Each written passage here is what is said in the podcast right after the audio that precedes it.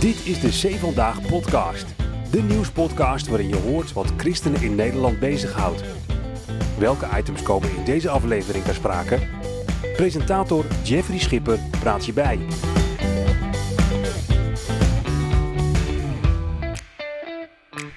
Het evangelie is gratis, wordt nog wel eens gezegd in kerkelijk Nederland. En geldt dat dan ook voor sprekers of artiesten die je uitnodigt in de kerk. Daar gaan we het over hebben in een thema-podcast van C Vandaag over money, over ondernemen. En eh, dat doen we met theoloog en bedrijfskundige Tabita van Krimpen. Ja, Mooi dat je er weer bent, leuk. want je bent al eerder in de podcast geweest, hè? Klopt, over mijn boek. Daarom, Bottom-up Kerk. En Matthijs Vlaardingenbroek is er ook weer eens. Leuk Jeffrey, hoi. Ja, je- we kennen jou als columnist van C Vandaag, maar Ja. je gaat ook het land in, hè? Als eh, verhalenverteller, spreker. Klopt. Ja, en je bent nog altijd druk ook met, eh hoe heet die pop ook weer? Henk? Henk? Ja, ja. Voorstellingen, goochelen, buikspreken, vertellen. Ja, ja. Leuk, mooi. Jullie zijn allebei eh, heel erg ondernemend, dat hebben jullie gemeen. En we gaan kijken of jullie nog meer gemeen hebben aan de hand van eh, vijf stellingen. Want aan de hand van die stellingen gaan we verkennen hoe jullie denken over eh, geld verdienen in eh, de christelijke wereld. Of eh, geld vragen, het is maar net hoe je het bekijkt. Is nog wel een gevoelig onderwerp namelijk, hè? Het evangelie is gratis, die hoor je regelmatig eh, in het Nee, ik hoor hem niet meer. Nee? Oh, is, hij- is hij weer afgeschaft? Ik Ja. heb hem vaak Ik gehoord. hoor hem ook niet zo vaak. Nee, Het is een evangelisch dingetje hoor. Oké, Oh. Hm? Nee, het evangelie is niet gratis. Ze zeggen vaak, het is heel erg duur geweest. Jezus heeft met zijn bloed ervoor Ja, betaald. Ja, ja, er komt een kommaatje achter. gratis maar niet goedkoop. Juist, juist. Ja. Zeg, laten we eens even wat stellingen doornemen met jullie. Ja, Kijken leuk. of jullie dicht bij elkaar liggen. Stelling 1. Te weinig christenen realiseren zich dat een christelijke spreker of muzikant zijn loon waard is. Tabita. Ja, helemaal mee eens. Ja, je hebt er zelfs een column over geschreven in het Nederlands Dagblad vorig jaar. Klopt. Een arbeider is zijn loon waard. Ja, Ik denk altijd maar als de penningmeester het goed weet. Oké, dat is ook een goeie.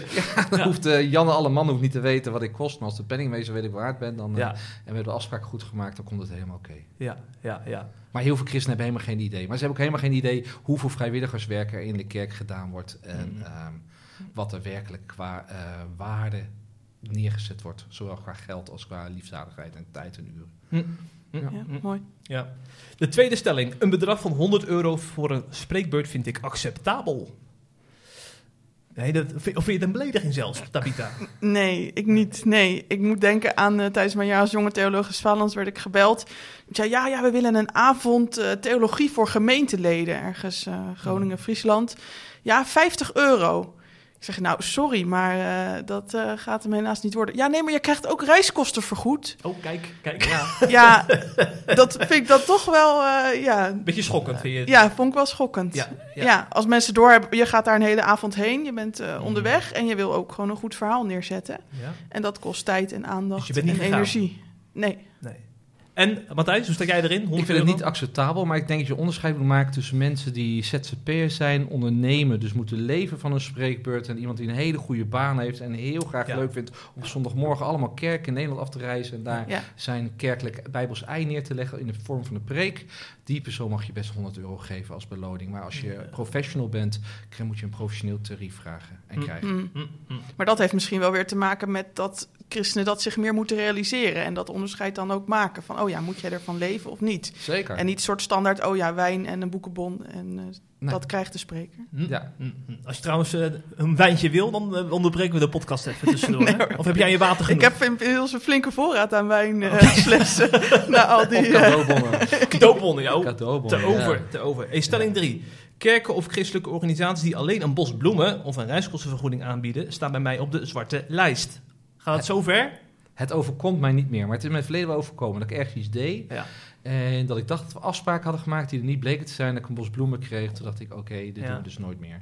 Ja. Maar ja. nu gebeurt dat niet meer, gelukkig. Ja, ja, Want mijn vrouw is mijn manager. Eh, Kijk, heel goed. Hey. Er wordt alles eh, tot de puntjes besproken. precies, precies. Ik heb geen zwarte lijst. Nee, daar gelukkig. werk je niet mee. Nee. Nee. Maar je zegt gewoon... maar wel nee. duidelijke afspraken maken en Precies. liefst eh, voor de poort helderheid. Ja, ja. Zeg de vierde stelling. Sprekers, schrijvers en artiesten buiten de christelijke wereld hebben het makkelijker omdat ze geen evangelie verspreiden. Tabita? Nou ja, ik, ik weet niet of dat met dat evangelie te maken heeft. Het gaat wel over een stuk professionalisering, wat buiten Ja. de kerk meer is dan binnen de kerk. Dus ik heb ook wel mensen wat meer vanuit de bedrijfskundige hoek die ook lezingen geven in het zakenleven. Nou, die vragen gewoon 2000 euro voor een lezing. Zo.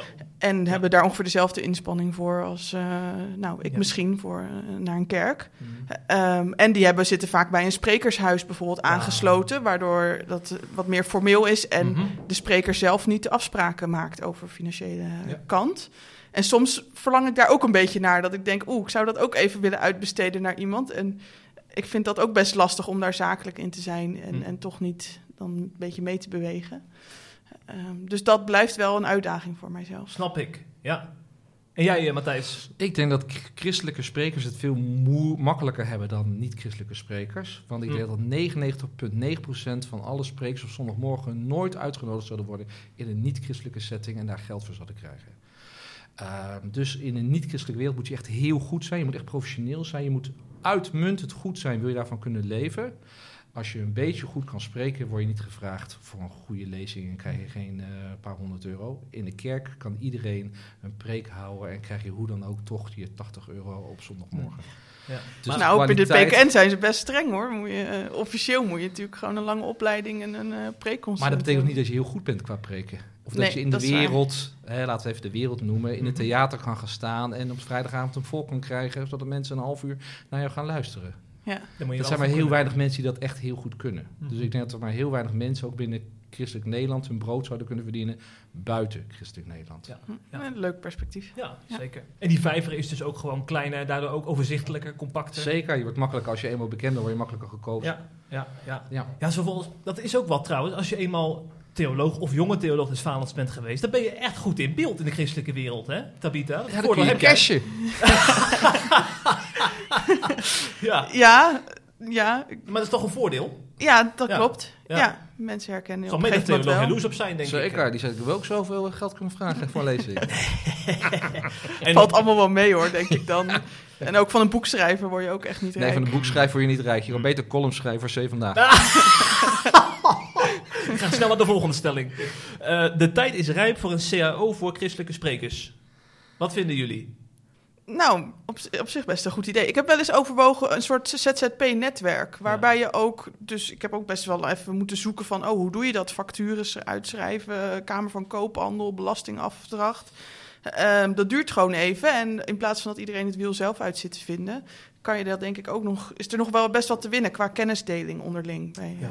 eh, ZZP'ers in de, de redi-wereld. Mhm. Is een idee. En, Ik denk ehm, dat we moeten gaan praten over marktwerking in de kerk. oeh, dat is nou een beetje een eh wereldse, wereldse woord. Absoluut. vies voor dat woord, ja. CAO is ook vies woord. Dus eh, het punt is, ik denk dat je nooit eh, alle kerken op hetzelfde CAO kan komen. Dat er gewoon zoveel onderlinge verschillen zijn. Eh, maar dat we wel kunnen gaan praten, wat mag marktwerking in de kerk? Hoe ver mag je gaan met marktwerking in de kerk? En ben je dan een ondernemer als spreker of ben je dienaar als spreker? En heel veel sprekers zien zichzelf als dienaar. En dan ben je afhankelijk van wat de kerk jou toegeeft voor jouw dienende rol. Of ben je een ondernemer en mag je gewoon financiële afspraken maken en eh, moet je dus ook jezelf vermarkten. Maar wat bedoel je dan met, bedoel je met marktwerking ook een soort vraag en aanbod? Dat de een eh, Ja, De- dat je de je onderscheidt als spreker. en, Zeker. Dat gebeurt natuurlijk nu al, alleen er wordt niet over gesproken. Ja. Dus, eh, In de wandelgangen gebeurt het. Zeker, Dat weet jij. dat weet ik ja. Ja, ja, ja. Dus die marktwerking is al lang gaande. Mm. Ehm, Ja. En ik denk dat we daar eens eh, achter open moeten gooien. kijken. Ja. ja. Wat Ja. gebeurt er nou? Ja. Zeg, we gaan even wat persoonlijke ervaringen uitwisselen. We hebben dominee Belder eh, een paar jaar geleden gesproken, PKN-predikant. En, eh, want hij schreef een keer een column in het Reformatorisch Dagblad over eh, ja, dat eh, genoegen nemen met een boekenbon en eh, dat soort dingen. En eh, hij schrijft dan in, in C Vandaag... Ik hoorde verhalen van sprekers die na afloop naar huis gingen met een boekenbon van 25 euro. Daar zit wellicht het misverstand achter dat zo'n lezing bij zijn werk hoort. Zo wordt er dus gedacht... Als hij vanavond hier is, is hij morgenochtend misschien wel vrij of zijn baas betaalt hem of haar. Maar zo werkt het niet, zegt Belder. Ja, dat misverstand, hè? Dat zit er natuurlijk ook een beetje achter. Als je dat soort aanbiedingen krijgt van een boekenbon of een, eh, Mhm. een reiskostenvergoeding. ja. Dat herken jij. Ik herken dat wel. Ja, op een gegeven moment heb ik ook eh, een keer op social media gezet van geef mij alsjeblieft geen bloemen meer. En daar zat wel een stukje frustratie achter dat mensen dan moeilijk deden over een bepaald spreektarief. En dan stel ik dat bij of nou, waren we daar uitgekomen. En dan toch wel met een enorme bos eh, bloemen, 20, 25 euro of zo zou dat dan waard zijn, aankomen. En ik reis altijd met de trein, met OV. En dan zit je weer met eh, spullen en eh, op de fiets met een bos Ja. bloemen en dan regen je weer nat. Ook nog eens gedoe dus. Allemaal gedoe. En dan denk ik, ja, geef gewoon een fatsoenlijk tarief. En dan eh, mogen die bloemen wat mij betreft achterwege blijven. Ja. Maar wan- wanneer drong dat een beetje tot je door dat het eigenlijk niet zo normaal was? Want in het begin heb je er misschien wel genoegen mee, kan ik me voorstellen, als je, Ja, als je gevraagd wordt. Nou ja, in mijn geval was het als jonge theoloog in Zwaland zette ik ook echt mijn studie op Mm. pauze om daarop te kunnen richten. Dus opeens was ZZP'er ook zijn mijn primaire bron van inkomsten. Ja. Ehm, dus ik was nog student. Ik kreeg nog wel van Duo eh, maandelijks bedrag, maar dat is ook gewoon een lening.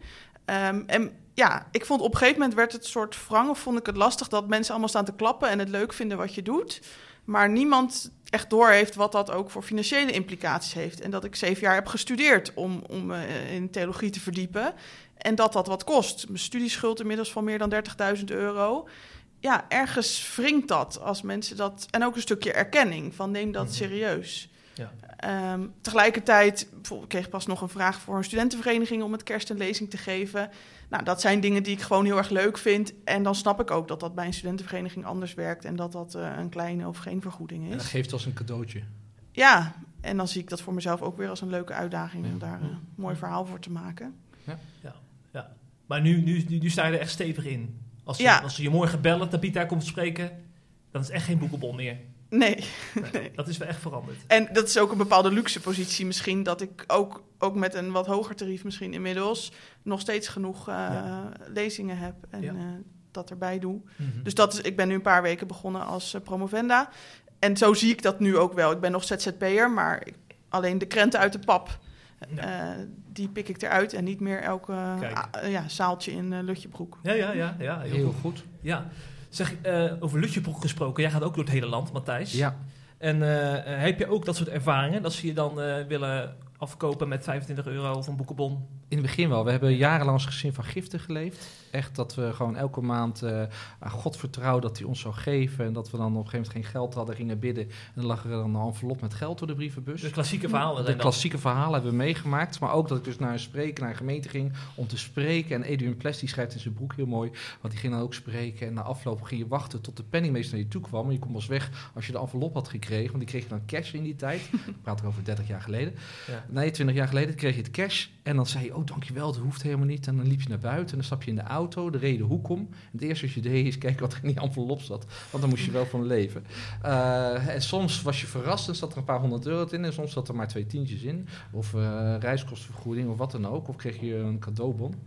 Ehm, dus die tijd hebben we gehad. Ja. Ja. Ja. En op een gegeven moment was het heel spannend voor mezelf om te denken: oké, maar ik ga nu ehm, er een tarief aan hangen. Mm. En dan is natuurlijk de angst dat ze zeggen ehm, voor Matthijs tien anderen. Eh, want eh, als ik zeg: oké, wil komen, maar ik vraag er nu zoveel eh, gulden voor, nog de tijd voor guldens, ehm, gaan ze dat willen betalen, die kerk? En was dus de vraag voor mezelf: hoe maak ik mij onderscheidend genoeg, zodat ze niet zeggen tien anderen, maar hey, Matthijs willen we echt hebben. En dan creëer je waarde voor jezelf. En ehm, dan wil de kerk als klant mij graag hebben. Hm. En dat is een stukje marktwerking. Mag je jezelf als ondernemer zien en de kerk als klant. En hoe onderscheid ik mij van mijn andere collega's? En ben je tevreden met hoe dat heeft uitgepakt voor jou? nu wel ja. Hm. Ja, dus nu eh, eh, kan ik vragen wat ik denk wat goed is. En eh, betalen mensen dat gewoon. Ja. Ja. Ja. Maar jullie spreken volgens mij ook wel allebei een beetje uit, als, uit een luxe positie, toch? Want jullie hebben inmiddels al een naam gemaakt in de kerkelijke wereld. Er zijn heel veel mensen die dat niet hebben, Nee. zo'n naam. Maar dat is ook, ook een ding van ja, een naam maken. Eh, ik zat nog over na te denken in de voorbereiding. Alle mediadingen zijn eigenlijk gratis. Eh, Ja. Radio, interviews, eh, tv. Nou, Zeker. wij zitten hier ook gratis vandaag. Ja. Ik heb ook vaak voor C Vandaag gratis blogjes geschreven. Eh, Oh, echt waar joh? Ja, Dat, doen, dat moet je niet doen. Nee, moet je niet doen. Dan moet je, je geld, gratis- dan moet je geld voor vragen. Dat betalen ze gewoon. nou ja, maar dat is dus wel Over een ding tien dat jaar mensen zit ze hier. zeggen. Ik ook geld Oh, voor zeven vandaag. Mensen zeggen dan van, oh je bent bekend, ik zag je daar en daar. Maar hebben niet door dat dat Nee. ook gewoon tijd kost. Absoluut. En, Absoluut. en allemaal maar een soort investering voor later of zo. Of, Mhm. of wat is dan ook bekendheid je waard? En ik zie ook, nou, we hebben, wij hebben ook een keer contact gehad over vrouwen en theologie en, en representatie.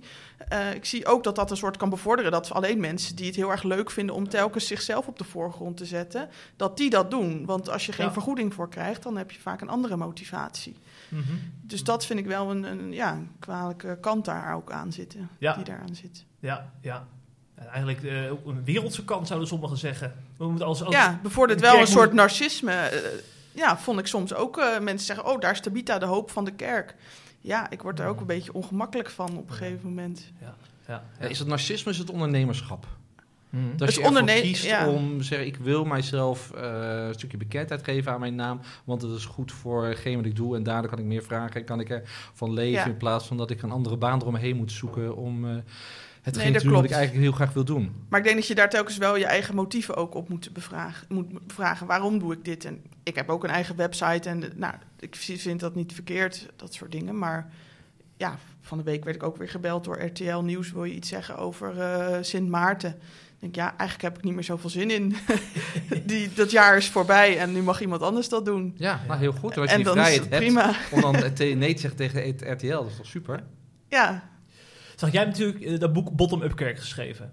Ja. Eh, nou, aan de hand daarvan krijg je ook vaak aanvragen van kom in onze kerk een lezing geven over het onderwerp. Klopt. hè, De twintigers in de kerk. Ja. Maar hoe gaat dat dan? Want dan, dan mailen ze jou van kom er langs. Maar hoe, wa- wanneer, waar- wanneer komt die geldvraag? Of hoe blijft die achterwege? Hoe gaat dat precies? Eh, vaak krijg ik een mail. Nou, wij zijn als kerk bezig met het uitdenken van een nieuwe toekomstvisie. Of we, we willen nadenken over eh, alle betrekken van alle generaties in de kerk. We kwamen bij jou terecht en eh, wil je soms al met een datum, soms nog niet. Eh, wil je het volgende half jaar ergens een keer langskomen? Dan zeg ik, oké, leuk idee, lijkt me goed. Eh, dit is mijn tarief en eh, als dat akkoord is, praat ik graag eh, door over de inhoud. Ik wil ook altijd graag een uur of even online een afspraak om ook door te spreken van wie zijn jullie als gemeente, Ja. Wat is dit voor club, wat, wat zijn jullie vragen en uitdagingen. Dat vind ik zelf ook leuk, Zeker. maar ik pas ook mijn verhaal zo goed mogelijk aan op, op die lokale context. Ja. En ja, dat kost ook tijd, en, maar dat vind ik wel belangrijk en goed ook eh, om te doen, dat die, om die gemeente ook zo goed mogelijk te helpen. Mhm. En staan je tarieven op je website? Nee. Kunnen- waarom niet? Ja, omdat ik dat toch ook, be- ook weer contextafhankelijk bekijk. Of soms zeggen ze, oh, we hebben een studiedag, wil je dan en een lezing en een workshop erbij geven? Ja, dat maakt voor het tarief ook wel uit. Hm. Ja, Zeg, stel, ik ben eh, ergens eh, oudste in een kerk en ik denk, die Matthijs wil ik eh, volgend jaar rond november uitnodigen Mhm. om te spreken. Hoe, hoe gaat dat dan? Moet ik dan meteen met een bedrag komen bij jou? Of wordt er kijk je op over mijn website, Ja. kinder, kinderoptreden.nl. Ja. En dan zien ze daar bij de informatie wat ik kost. Voor, eh, qua reiskosten en qua eh, onkosten de BTW. Overzichtelijk. Of- En dan weten ze precies wat het kost. Als, en dan mailen ze me. En dan zegt mijn vrouw, hartstikke leuk. Matthijs komt graag. Dit is wat het kost. Wil je deze, eh, dit formulier even invullen? En eh, dan krijgen ze een afloop krijgen ze een pdf-factuur. En die wordt dan netjes binnen twee weken betaald. Gebeurt er nog wel dat er over onderhandeld wordt? Of is het echt gewoon ja of nee? Nee, er wordt als onderhandeld. Ja. Zeggen ze, kan het meer of minder? Nee, nooit meer. Nee. Kan het minder? Meer? En dan zei, nou kijk, als er een missionair project komt, die zijn met mij net begonnen, dan kom Ja. ik heel graag gratis en dan is het Oh, cadeau. Dus ehm, En Dus- leef jij daarvan? Is dat ik, jouw- eh, ja, het is een onderneming en ik leef daarvan. Hm. Ja. Ja, wat vind ik ook nog wel een verschil. Je hebt natuurlijk ook heel veel eh, gemeentepredikanten. Die hebben gewoon een vaste kerk. En die, Ja. die spreken ook wel eens op een avond. Maar die hebben wel gewoon een inkomen. ja, en als die dan Dat is 100 een euro kregen, nee, ik, hartstikke mooi. Dat is een 100 euro Ja, ja. extra voor je vakantiepotje. Ehm. Maar als je ervan leeft, dan kan je er niet van, want dan moet je de helft van Nee. de belasting en dan moet je ook nog je pensioen betalen van.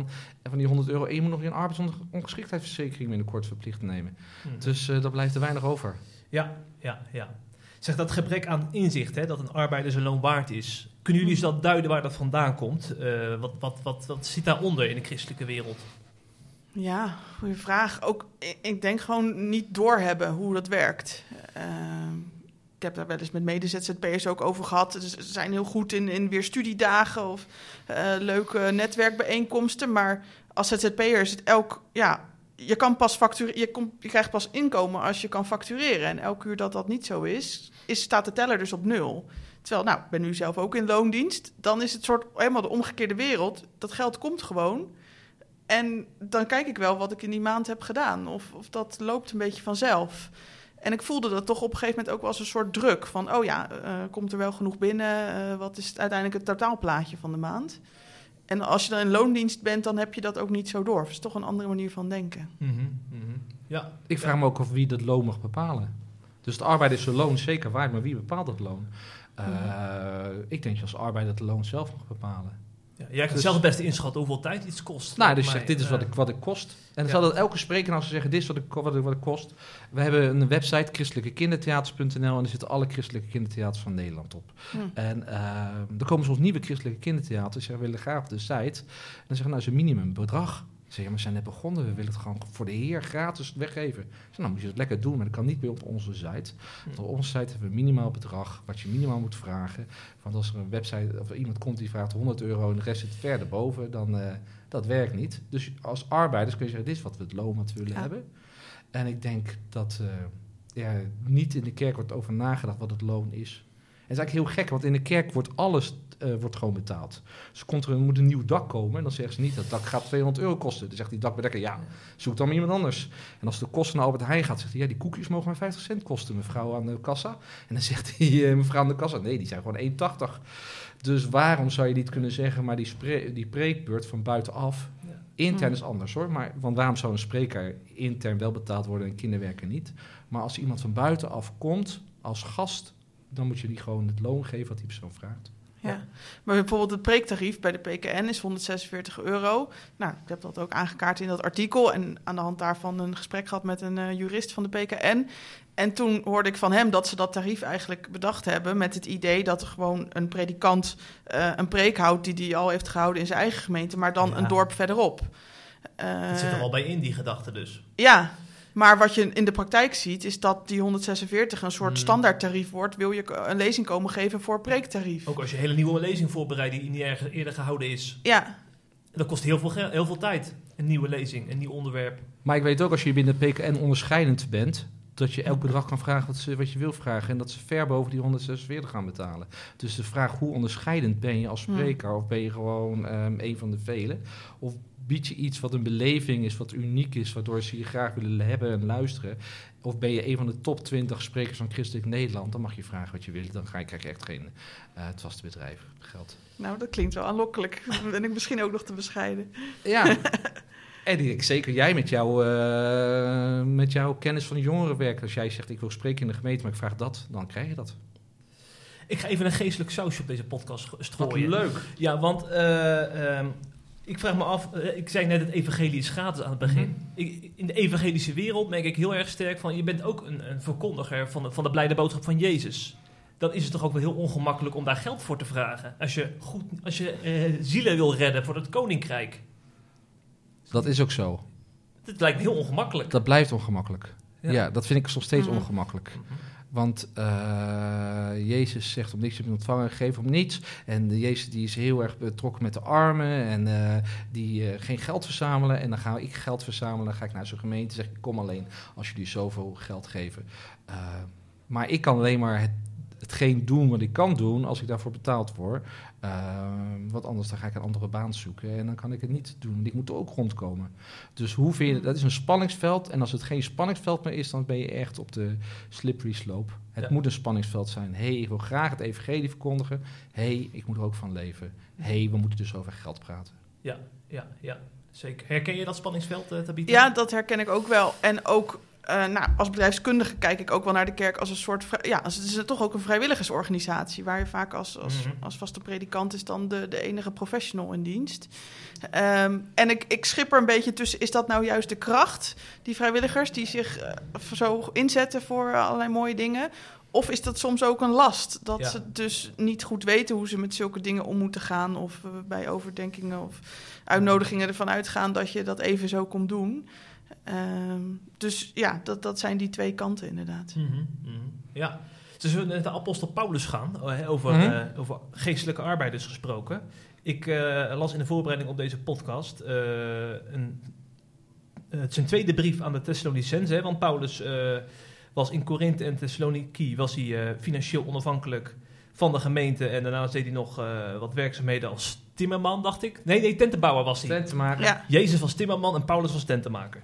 En eh, dat is, dan lees ik in 2 Thessalonicense 3, lees ik... Toen we bij u waren, hebben we ons dagelijks werk niet verwaarloosd en op niemands kosten geleefd. Integendeel, we hebben ons ingezet en ingespannen. Dag en nacht hebben we gewerkt om niemand van u tot last te zijn. Hoe lezen jullie dit, vraag ik me dan af.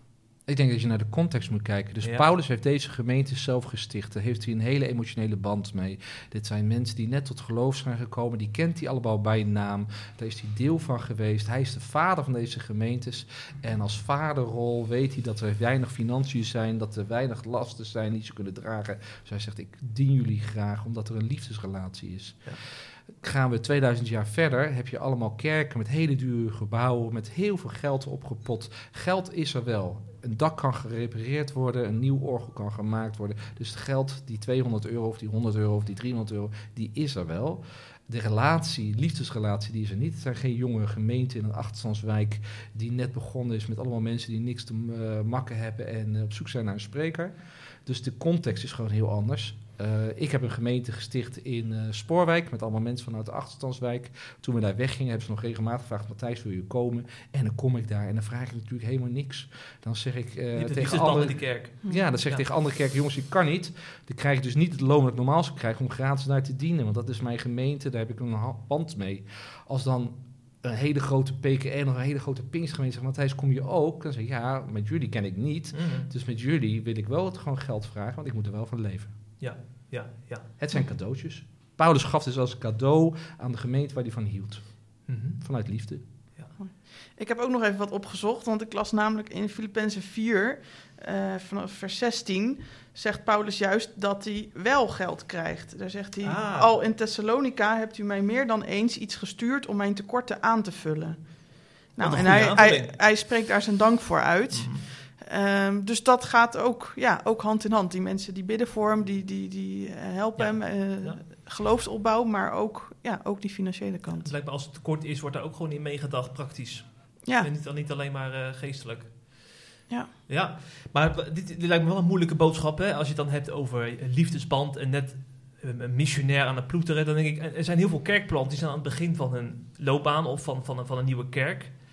En hoe moeten zij zich dan opstellen? Dat is heel anders dan een, zeg maar, een predikant die aan de lopende band wordt gevraagd en al 30 jaar meeloopt en naam heeft. Eh, eh, ik denk aan, een, aan een, iemand van 28 die ergens is komen wonen en daar net een, een nieuwe kerk heeft met 100 leden. Hoe, hoe moet hij dan hiermee omgaan met dit vraagstuk?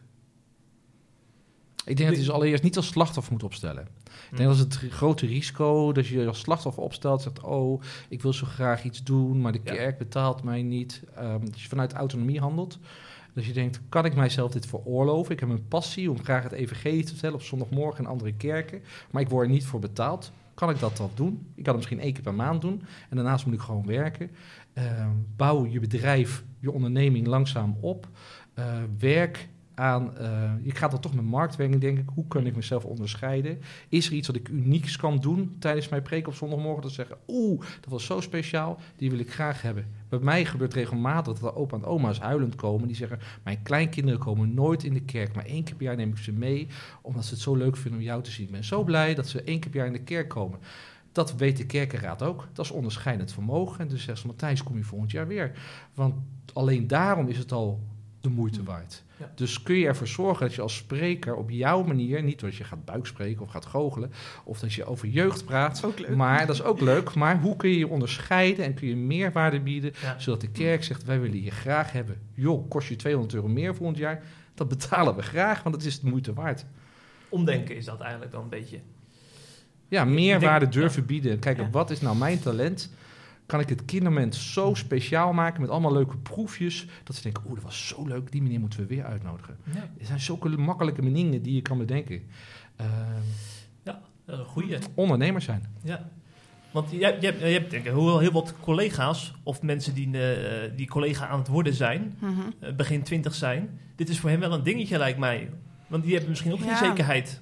Ik hoor onder theologie of studenten die de predikantsmaster doen bijvoorbeeld, Ja. hoor ik niet zoveel over dit thema. Wat me bijvoorbeeld ook wel bezighoudt is pioniers en hoe die... eh, nou, dat zijn Ja. vaak ook korte tijdelijke contracten. kleine aanstellingen, die echt wordt gevraagd om van nul een nieuwe plek op te bouwen. Echte opbouwers zijn dat, hè? Ja, en die ook regelmatig eh, thuis zitten met een burn-out eh, op de loer Ja. liggen. Omdat ook juist dat werk in de kerk, pioniers, maar ook daarbuiten is ook werk wat altijd doorgaat. Ja. En wat nooit af is. En wat er gaat over relaties en menselijk contact. En weten wat je waard bent, gaat voor mij ook over grenzen aan kunnen geven. Dus dit is voor mij een grens, want ik, wil, ik moet er zelf van kunnen leven. Of ik wil ook tijd doorbrengen met mijn gezin of met eh, nou, andere dingen die ik belangrijk vind in het leven. En daar gaan wel regelmatig ook mensen eh, in, die in de kerk werken aan, eh, aan onderdoor. Of, Ja. En krijgen deze mensen een stukje ondernemen in hun eh, opleiding als theoloog? te weinig. Ik probeer daar wel dat wel aan te kaarten. eh, Dat dat ook. Er is wel een vak leiding geven bijvoorbeeld. Maar, Maar leiding geven is niet hetzelfde als ondernemen. Nee, Nee, je kunt dus leiding geven en totaal geen ondernemer zijn. klopt. Eh, dan ben je meer een manager of... eh, ja. ja. maar ondernemerschap, van hoe zet je nou als... eh, Op. HBO-theologie is daar wel meer aandacht voor. Ja. Ja. Dat is daar niet, niet vloeken in de kerk, daar binnen de, de HBO-theologie? Nee, omdat daar ook best een aantal studenten zijn die zeggen: Ik wil eigenlijk helemaal niet in de kerk werken, maar ik wil Mm. daarbuiten meer in dat zingevingsveld me gaan Ja. positioneren. En dan zit je al sneller op dat ondernemersvlak. Ja, ja, ja. Maar eh, de- daarbuiten is het dan wel toch wel taboe, zeg maar, in de hogere Ja, kringen. ook Dus- omdat je dus in dat theologisch taalveld Ja. zit van we doen Ja. het toch voor het koninkrijk en Ja. voor het goede, goede doel. Ja. Ik denk hoe meer zeg maar, van dat soort termen, hè, van evangelie, koninkrijk, hoe, hoe moeilijker het is om ondernemerschap erin te, in te brengen. Want dat wordt toch een beetje als dat, dat hoort niet in onze kringen gezien, lijkt mij. Bijvoorbeeld Stichting Opwekking. Gaan de directeur eens vertellen dat je, dat je een christelijke ondernemer bent en, eh, en niet alleen maar van, van de Heer, van de giften van de Heer wil leven. Dus dat is toch een beetje vloeken in de kerk, lijkt mij, Matthijs. Uh, zeg het nog, Stichting Opwekking? ik denk dat de Stichting Opwekking heel goed eh, betaalt. Als je op zondagmorgen, als je op, op opwekking mag spreken op de conferenties, dat ze geen eh, 125 euro krijgen. eh. nee, dat geloof ik wel. Dat geloof ik wel. Wat was dat dus met de Stichting Opwekking? Nou, Ik miste hem even de link. Als je, als je de directeur van Stichting Opwekking spreekt, je zit helemaal in dat wereldje van eh, Ja. we, leven van de Heer, we, ons laten leiden door de geest bij de collecte, zeg maar, dat, die Ja. gedachte, om dan daar het ondernemerschap gedachtegoed in, in te brengen. Dat is toch, dat is toch heel Nou, wat... ik denk dat je het onderschat. Oké. Ik denk dat er heel goed wordt gekeken naar wat dingen kosten en wat voor geld moet binnenkomen en hoe ze dat regelen. En dat er hele goede ondernemers zitten, eh, ook binnen want Evangelie hoe ze de collecte daar aankondigen, ik heb het idee dat, dat de Heer een heel groot wonder moet doen. Zo wordt het gebracht, zeg maar. Maar dat is ook juist de hoek waar wel veel wordt nagedacht over christelijk ondernemerschap. Ja, of is- of ja. waar iemand van, oh, ik heb opeens iets aangeboden gekregen van een ondernemer en nu kan ik weer aan de slag. En, eh, Maar dan wel in de, in de wandelgangen, niet op de voorgrond. Je bent aan het reflecteren op een van mijn columns. Je Ja, denkt, je hebt toch een column je wilde, Jij wilde ik kom. je, hebt, je hebt inderdaad een column geschreven, ja. Ja, over, dat, over, eh, over collectes en hoe collectes aangepraat worden, over manipulatie. Dat is dus het Hmm. risico. Het risico is dat als je geen duidelijke financiële afspraken maakt, dus marketing niet toelaat, dat het geld toch binnengehaald moet worden en dat je het gaat manipuleren. Eh, dus het is of de keuze van we vertrouwen God helemaal, en dat is heel erg spannend, dat doet niemand. Of we gaan mensen manipuleren te zeggen, je moet wel geven via de collecte. Of we gaan gewoon hele goede afspraken maken en zeggen, dit is wat het kost, dit is wat we geven. En er komt gewoon een eh, kostenplaatje met een stukje marktwerking. Hm. En de geestelijke weg van we vertrouwen de Heer erin ehm, klinkt heel mooi, maar er is geen enkele kerk die dat doet. Nee, dat is echt realiteit wat jij hier beschrijft. Want jij hebt veel contact natuurlijk in de, in de christelijke wereld. Ja. Er wordt ook gewoon echt heel erg praktisch ondernemend gedacht. Door de gemiddelde christen. Tuurlijk, ze weten toch hoeveel, hoeveel de collecte binnen moet brengen. Ja. En ze weten toch als ze eh, de koffiejuffrouw eh, zeggen... lieve mensen, we gaan nu de collecte doen, dat er minder binnenkomt. Dat ze zeggen, hebben jullie allemaal een gezalfde tijd gehad vanmorgen? Heeft de Heer je aangeraakt? Ben je gezegend door hem? Kijk eens in je portemonnee. Laten we de Heer dank, een dankoffer geven. Hoe dankbaar ben je? Laten we dat uit in onze gift vandaag. Ja, laten we even de voelen. van. En dan eh hoor de piano op de achtergrond. Ja, ja, ja, Ja, ja. tuurlijk. Dat werkt toch veel beter als je zegt van jongens, we gaan nu de collecte doen. En ehm Ja. zullen we even heel snel doen. Dan kunnen we gauw verder met zingen. Dus even snel geld erin. Klaar, Kees Kees. Dan krijg je veel minder. Ja. Zo doen ze niet bij de PKN, hè? Op deze manier. Nee. eh, nee. Gelukkig. Krijg de kriebels nou ja, wat mij betreft Ik zou krijg een ook de van kriebels van. Een van de oplossingen kunnen zijn om gewoon ook wat meer een toegangsprijs te vragen. Of bij, ik weet niet of je dat bij kerkdienst moet doen, maar de lezingen die ik geef, de avonden. Volgens mij mag je daar prima, in ieder geval mijn generatie, kijkt daar helemaal niet gek van op. Als je gewoon 7,50 voor een interessante spreker eh, een avond eh, vraagt. Hm. Ehm, of ook wel eens een vraag van eh, een lezing op, op de Bijbelbelt, waar eh, nou, de Mhm. dichtheid, kerkelijke dichtheid per kilometer erg hoog is. Zeker. En die vonden mijn tarief, eh, dat lukte niet voor hun. Ik zei, nou, misschien kan je samenwerking zoeken met een andere gemeente en dat samen organiseren. Volgens mij Ja. liggen daar nog heel veel mogelijkheden. Creatief denken op gang brengen in die kringen. Ja, Ja. in plaats van allemaal weer apart gaan doen en weer Mhm. allemaal kleine zaaltjes van twintig mensen. Ja, naar als een klein zaaltje met 20 man. Ja, Ja, Vind je dat naar? ja vind ik naar. ja. Oh, je willen we liever een volle zaal? maar, Nee, ja, dat maakt mij niet uit. Maar dan zijn de, vaak de organisatie is dan zo teleurgesteld. Oh, op die manier. ja. Ik was een tijdje geleden gevraagd door een kinderwerkers, hele grote kinderkerk, en die wilden kinderwerkers trainen. Dat vind ik heel leuk om te doen.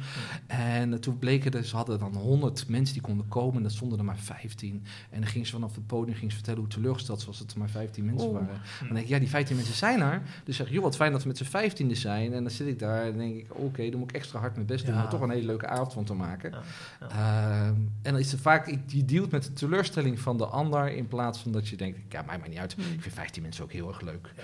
Eh, Sterker nog, kan alleen maar leuker zijn zelfs. Zeker. Ja. Ja, Ja, ja. Zeg, ik kom hier met een geestelijk sausje. wordt Want- leuk.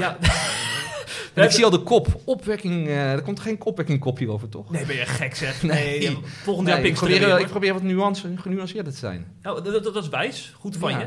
Zeg maar, eh, ik, ik ken heel wat mensen die leven echt van giften, omdat ze ook geloven van. ehm, eh, voor mijn geestelijk leven is het goed om afhankelijk van God te zijn. Hè? Dus dan wil ik zo min mogelijk zekerheden in mijn leven inbouwen, ook qua, ook qua financiën. En dan heb je inderdaad soms te maken met een envelop van, van 500 euro in de brievenbus, omdat je voldoende op God vertrouwt. Of, of Mhm. mensen die jou gaan steunen, omdat ze biddend aan jou denken van, hé, hey, die persoon brengt God op mijn hart. Hem ga ik een gift geven. Ja. Hoe denken jullie over mensen die er zo in staan? Is dat een aantrekkelijke manier van geloven voor jullie? Of staat dat een beetje ver van jullie af? Tabita? Ik vind het een lastig, eh, lastig onderwerp. Mm. Ik zal niet zo snel zeggen dat is verkeerd of zo. Het i- ik zou dat zelf niet. eh, ik zou dat zelf heel lastig vinden. Of ik zou dat niet op die manier. eh, Hm. Dan denk ik dan toch liever gewoon een, een echte baan en ruimte kijken wat daarnaast nog kan. Ja. Maar ik vind het wel knap. Ik heb ja, ook wel respect voor als mensen dat op die manier echt over durven te geven. En met lastig bedoel je dat je ook wel die zekerheden echt belangrijk vindt voor jezelf om die te hebben? Ja, ook, Ja. ook de, nou, het lijkt mij ook een stuk onzekerheid of stress wat daarbij komt kijken. Ja. Of zeker als je een gezin hebt. Of, eh, ja, het lijkt me wel heel uitdagend. Maar misschien worden de vruchten van het geloof wel veel zichtbaarder in je leven. Als je je zekerheden loslaat. Ja, Matthijs heeft dat meegemaakt. Ik heb meegemaakt, ja. Ja. Dus ik heb, wij hebben 15 jaar zo geleefd. Het was een, eh, kan even niet op zijn naam komen, een zendeling in Bristol. Die leefde zo en die vroeg nooit publiekelijk om geld, maar die zei de Heer zal voorzien. Zo hebben we ook 15 jaar geleefd. We hebben nooit om geld gevraagd, wel een nieuwsbrief uitgestuurd. Eh er was altijd genoeg, maar er was nooit te veel. En ehm, christen die zeggen we leven zo en schatrijk zijn, die manipuleren dat geld, Ja. die willen het geld binnenpraten. Maar als jij op die manier leeft, dat is een keuze. Ik zal het nu niet meer doen, ik zal het niet meer willen. Mijn kinderen zeggen van pap, we gingen vroeger naar de dierentuin. Dan hadden wij een ooievaarspas van van gratis naar de dierentuin. En had iemand ons ooit 100 gulden gegeven en die moesten we opmaken in de dierentuin. En mijn kinderen weten het nog steeds, dat we gingen lunchen in de dierentuin. Want na- normaal nam je een broodje, broodje mee, ja. geld van de heer. Dat gaan we toch niet opgeven aan een lunchpakket. En dan dronken we koffie, dan mochten ze een cadeautje kopen in de dierentuin. Nou, dat gebeurde anders nooit, daar hebben ze nog steeds over. Ik denk dat mijn kinderen daar iets mee tekort hebben gedaan. Uh. En, Dus je verlangt eh, niet naar terug naar die manier van leven? Nee, zeker niet. Ik verlang ook niet naar terug. En, Zou je het eh, anderen aanraden? Hm. ik zal het niet aanraden. Hm. Oh. Nee. Nee, Ik zou zeggen, joh, creëer gewoon zekerheid voor jezelf, en voor je gezin en eh, creëer een stukje stabiliteit. En doe daar, daarna zoveel mogelijk uit liefde voor God, maar met begrenzing. En, eh, zodat eh, alles in balans is. Maar het is niet- zo dat je in die fase eh, kwalitatief een beter... Ja, sorry voor de persoonlijke vraag. Dat je een kwalitatief beter geloofsleven had. Want ik hoor veel mensen zeggen, ik bid dan meer in zo'n situatie. Ik leef dichter bij de Heer. Ik ervaar hem ook meer in zo'n situatie. Dat soort teksten hoor ik vaak. Dan moet je denken hè, dat God niet alleen maar je vader is, maar ook je werkgever. En dat elke maand hij ervoor zorgt dat het geld binnenkomt. Dan moet je dus ook zo'n manier leven dat die werkgever wel tevreden is. Dus hoeveel uur moet je maken zodat God Mm. dat geld maandelijks gaat geven? En als ik dan iets doe waar God niet blij mee is, hoe zuiver moet ik leven zodat ik toch elke dat hij toch over zijn hart strijkt en mij dat maand geeft. Dus hij is eigenlijk een werkgever waar geen afspraken zijn hoeveel ik ga krijgen. Elke maand wisselt het. En ik moet hem ook tevreden houden. Ik moet liefnaam zijn, ik moet heilig zijn, ik moet hem zo dicht mogelijk bij hem kruipen om maar die zekerheid van hem te krijgen. Dat hoeft natuurlijk helemaal niet, maar dat is menselijke neiging. Klinkt alsof je dat ook iets doet met je godsbeeld. Dat God een soort transactioneel wordt. Van, ja, Absoluut. God wordt zo 100% transactioneel. ik doe iets voor hem, hij doet iets voor Hij mij. is mijn en- werkgever, ik ben afhankelijk van hem. Oh, minder deze maand heb ik iets verkeerd gedaan dan? Ja, zo werkt het. Hey, waarom zijn er die Ja. giften niet binnengekomen? Ja. Had ik iets anders moeten doen? Dus het is een heel kramp. Het kan een hele krampachtige manier van leven zijn. Ik denk maar weinig christenen naartoe geroepen zijn. En ehm, het is een. ehm, ik zal het ehm, niemand gunnen. Hm, hm, hm. Ik zou het zelf ook heel moeilijk vinden hoor, moet ik zeggen. Jij kent mijn baas, hè? Rick. Ik ken jouw baas. Ik Wat weet dat Rick eh, eh, veel eisend en vrijgevig is. Ja, ook, ik ben altijd zo blij. Aan het eind van het jaar dan komt hij weer vaak met... eh, je mag lekker uit eten op mijn kosten, zegt hij dan. Ja. Neem je vrouw mee, huppakee. Maakt me allemaal niet uit, zegt hij dan. Ja, Ah, aardig, hè? aardig ja. Ja, ja. Dat is jouw baas. Mooi. Lijkt een beetje op de heer. Die zegt, maakt niet uit, ga lekker uit eten, maak er een Ja. feest van. Ja, precies. hey, zullen wij eens toewerken naar eh, eh, oplossingen aan het eind van de podcast... voor mensen die het lastig vinden hè, om in de christelijke wereld eh, met die geldvraag om te gaan? Eh, want ik las een column van Tim Wilderman. Hij is een spreker. Hij eh, schreef een column over... Hè, is een arbeider nou wel of niet zijn loon waard in de kerk? En eh, dan schrijft hij... eh, wat voorgangers wel kunnen doen is het volgende. Je zou je preek meerdere keren op een zondag kunnen gebruiken. In de ochtend bij een gewone dienst en in de avond bij een jeugddienst. Je preek kan je wekelijks als blog van 300 woorden verkopen aan een christelijke website. C vandaag. Stuur al je preek in naar C vandaag. Jeffrey betaalt er gewoon een goed bedrag voor, dames en heren. Verkoop ze maar aan C Ja, vandaag. Ja. Die ene spreekwoord zo goed mogelijk uitbuiten. Dat is eigenlijk wat hij zegt. Is dat een goede oplossing? Ga jij er geld voor betalen, Jeff? Als het een goede column is, hey, zo zijn wij hè? Zo zijn ze. Ja, dus Ja. zo zijn ze. Dus ondernemers, stuur ze in. Ja. Die preken. Nou ja, een preek meerdere keren. Aan de ene kant kan dat. En aan de andere kant hebben veel kerken ook een soort rooster. En, Ja. en nou, we komen nu weer in de Oh ja. adventtijd. Ja. Het is nog helemaal niet zo makkelijk om te zeggen, ik recycle dat. En je wil actuele voorbeelden, je wil aansluiten bij de actualiteit, bij het nieuws. En een preekschrijf, zelf vind ik dat niet eens het grootste het probleem, of, of nou, eh, het moeilijkste. Eh, maar daaromheen zit ook het contact met die gemeente. En oh, de, de band vraagt of je uiterlijk dinsdag al de muziek wil doorgeven. En oh, dit lied kennen ze niet, dus kan je toch nog iets anders kiezen. Ook allemaal werk. Eh, en hoe gaat het in deze gemeente? Wat is de, de orde van dienst? Bij elkaar ben je er toch zo twee dagen mee bezig. Voor die 146 euro. En leer je de preek uit je hoofd of lees je hem voor? Eh, tot nu toe niet uit mijn hoofd, nee. Ja, dat gaat ook veel tijd. Om echt maar uit je hoofd daar eh, Ja. ja. zo'n verhaal Dat neer te spontaan, zetten. Eh, Ja. Ja. Hm, hm, hm. Lezingen wel hoor, maar eh, preek niet. nee.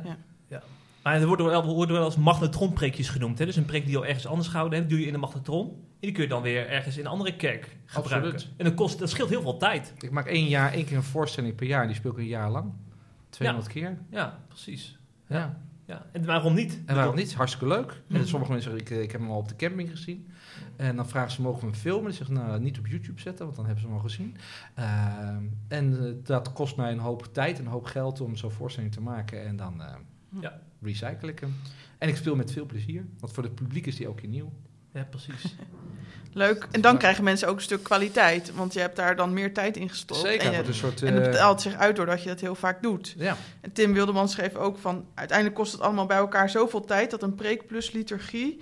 eh, dat je die schrijft voor een bedrag van 6 tot 9 euro per uur. En dat is wel de realiteit. En soms, ja, ik denk ook wel eens... oh ja, hoeveel krijg je als vakkenvuller bij de Albert Heijn? Nou, als je dat tegen elkaar afweegt... eh, ja, we zeggen allemaal wel predikantentekort en eh, zo belangrijk.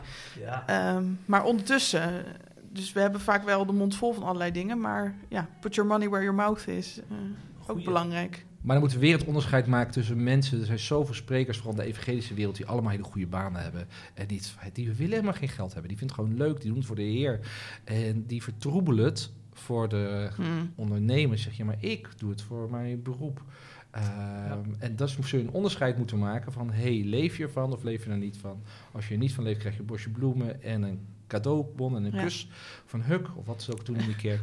En eh, als je er wel van leeft, dan eh, krijg je, eh, mag je gewoon een professioneel tarief vragen. Ja, ja, ja. Hebben jullie nog meer ideeën voor... eh, Nou ja, daar begint het wat mij betreft. Dat je inderdaad dat gesprek voert. En dat je dus als gemeente of, of als aanvrager daar bewuster van bent. Van, oh ja, wat heeft deze spreker nodig? Wat, hoe kan, kunnen wij als, eh, als gemeente, als, als organisatie daar ja, daar ook dienstbaar aan zijn of dat zo goed Mhm. mogelijk doen.